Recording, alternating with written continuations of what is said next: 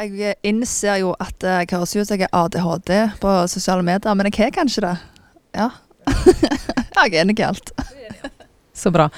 Du har drevet med musikk hele livet, har du fortalt. Eh, hva betyr musikken for deg, og, og hva har den betydd opp gjennom livet? Den har vært fred i kaos. Eh, og jeg har, vært, jeg har ikke forstått hvor viktig den på en måte gaven det er med musikk før nå.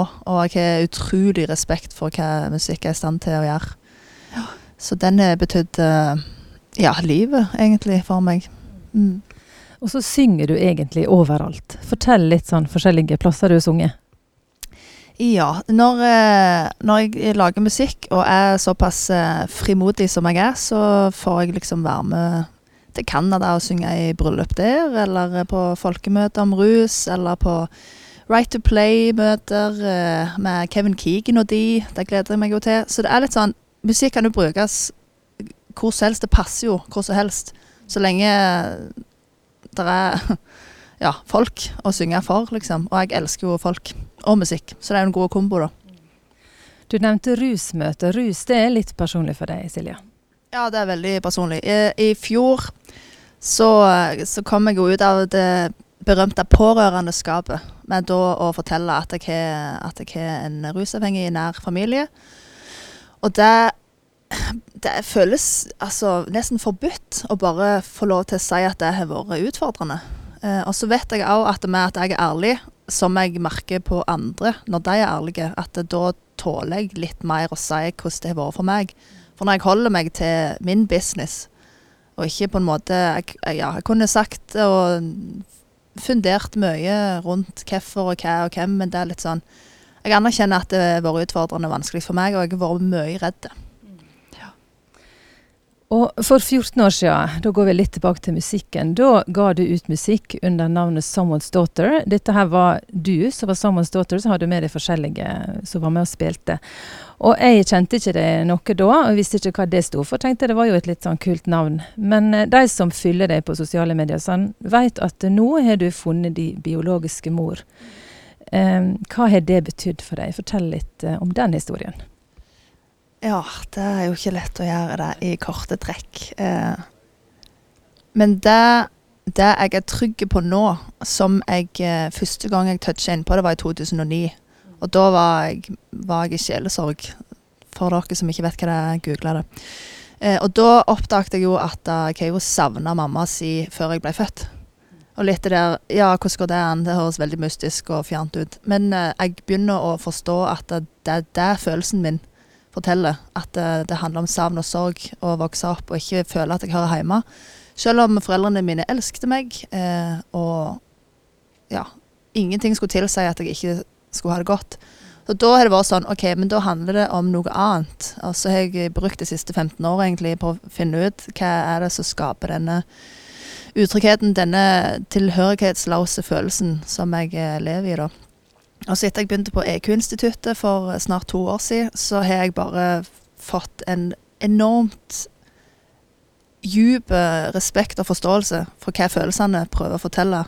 Så uavhengig av eh, om du er kristen eller ikke, eller hvor du er henne, så bare hva følelsene, hva data de faktisk er, og hva, så, hva følelser som sitter fast i kroppen, skaper og gjør, det, ja, det er helt enormt fascinerende. Og bare det å få lov å bygge relasjonen med mamma er jo gjort meg eh, mye helsegarre. Så ja, jeg tåler mer. Jeg eh, forstår mer hva som har skapt eh, smerte, da. Og For deg har det vært personlig at det har vært vanskelig. Um, men, og det er mange som er adoptert som kanskje ikke har det vanskelig. Hva, det er den personlige historien du vil ha fram? Ja, jeg har blitt såpass trygg på at min fortelling er min. For det er såpass mange som jeg har opplevd går i forsvar. Og så sier de ja, men det er jo ikke alle som er det sånn som deg. Så sier jeg nei, det vet jeg, og det er det jeg har fått høre mest. Og så er det sånn, hva med de som har det sånn som meg, da? Skal vi bare drite i dem, eller er det verdt å bråke litt på vegne av dem òg? Og når jeg får en melding, sånn som jeg fikk i går kveld, fra ei som har lignende, lignende oppvekst som meg, og vi har bare visst om hverandre, men vi har ikke visst hvordan hverandre har hatt det når hun ja, skriver at det, det gjør mye mer enn å lese det jeg legger ut, for jeg vet jo aldri hvem som leser det. Men det, da er det verdt altså. Når jeg merker at det kanskje har Bare det å reach out og si hei, hei, sånn har jeg det. Kan oppmuntre folk til å si sånn har de det. Ja. Så trenger ikke alle være like offensive som jeg er. Du sier sjøl at du skulle egentlig vært tagger. Ja, jeg skulle egentlig ganske Når jeg hashtagger, så er det fordi jeg egentlig har en drøm om å bli tagger, men eh, jeg, så, jeg er litt for lovlydig, og så suger jeg i å bruke sprayboks, liksom. Så da får det bli på veggen på nettet rundt forbi. En av de hashtagene på Facebook og Instagram og sånne ting, det er geriljahjerte. Og da lurer jeg på, Silje, er du i krig? Du sitter her med en kjole av, eh, i militærstoff. og så, ja, Fortell litt om akkurat den hashtagen, da. Ja, jeg syns jo at uh, det er et kult ord. Gerilja og hjerte sammen. Det er jo veldig både offensivt og veldig nakent. Eh, og det å være og oppleve at jeg føler jeg er i motstandsbevegelsen, eller eh, resistansen, om du vil. Ja. Det har vært en følelse av å, å være i krig, eh, men da er det først og fremst med meg sjøl.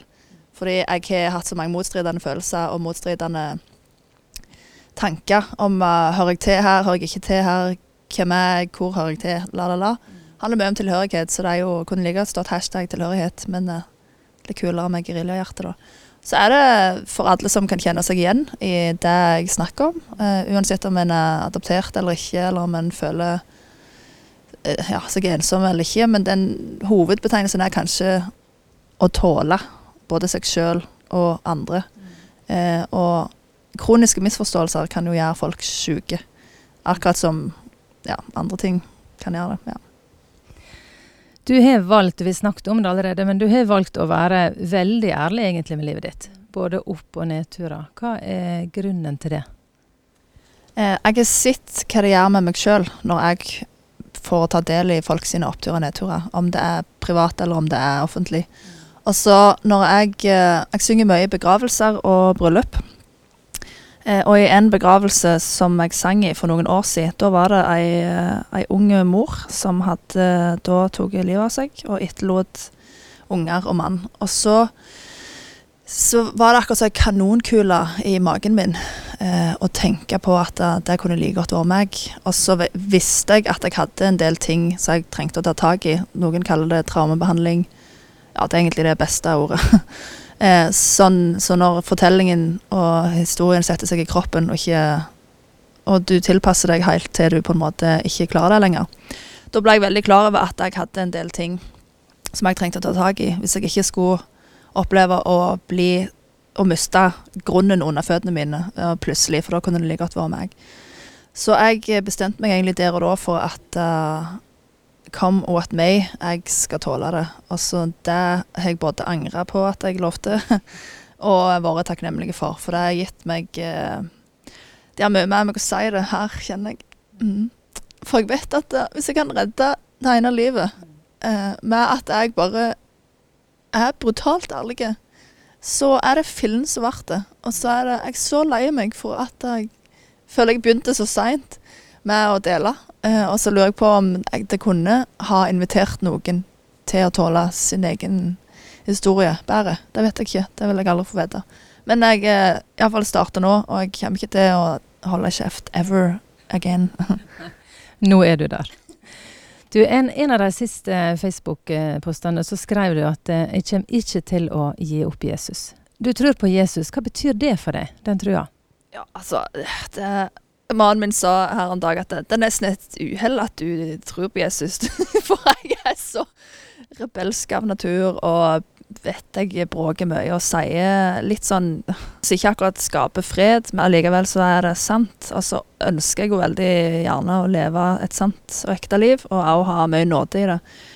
Så Jesus er jo på en måte Han er jo livet. Det er jo Jeg har prøvd å ikke tro på han og ikke elske han, men det går ikke.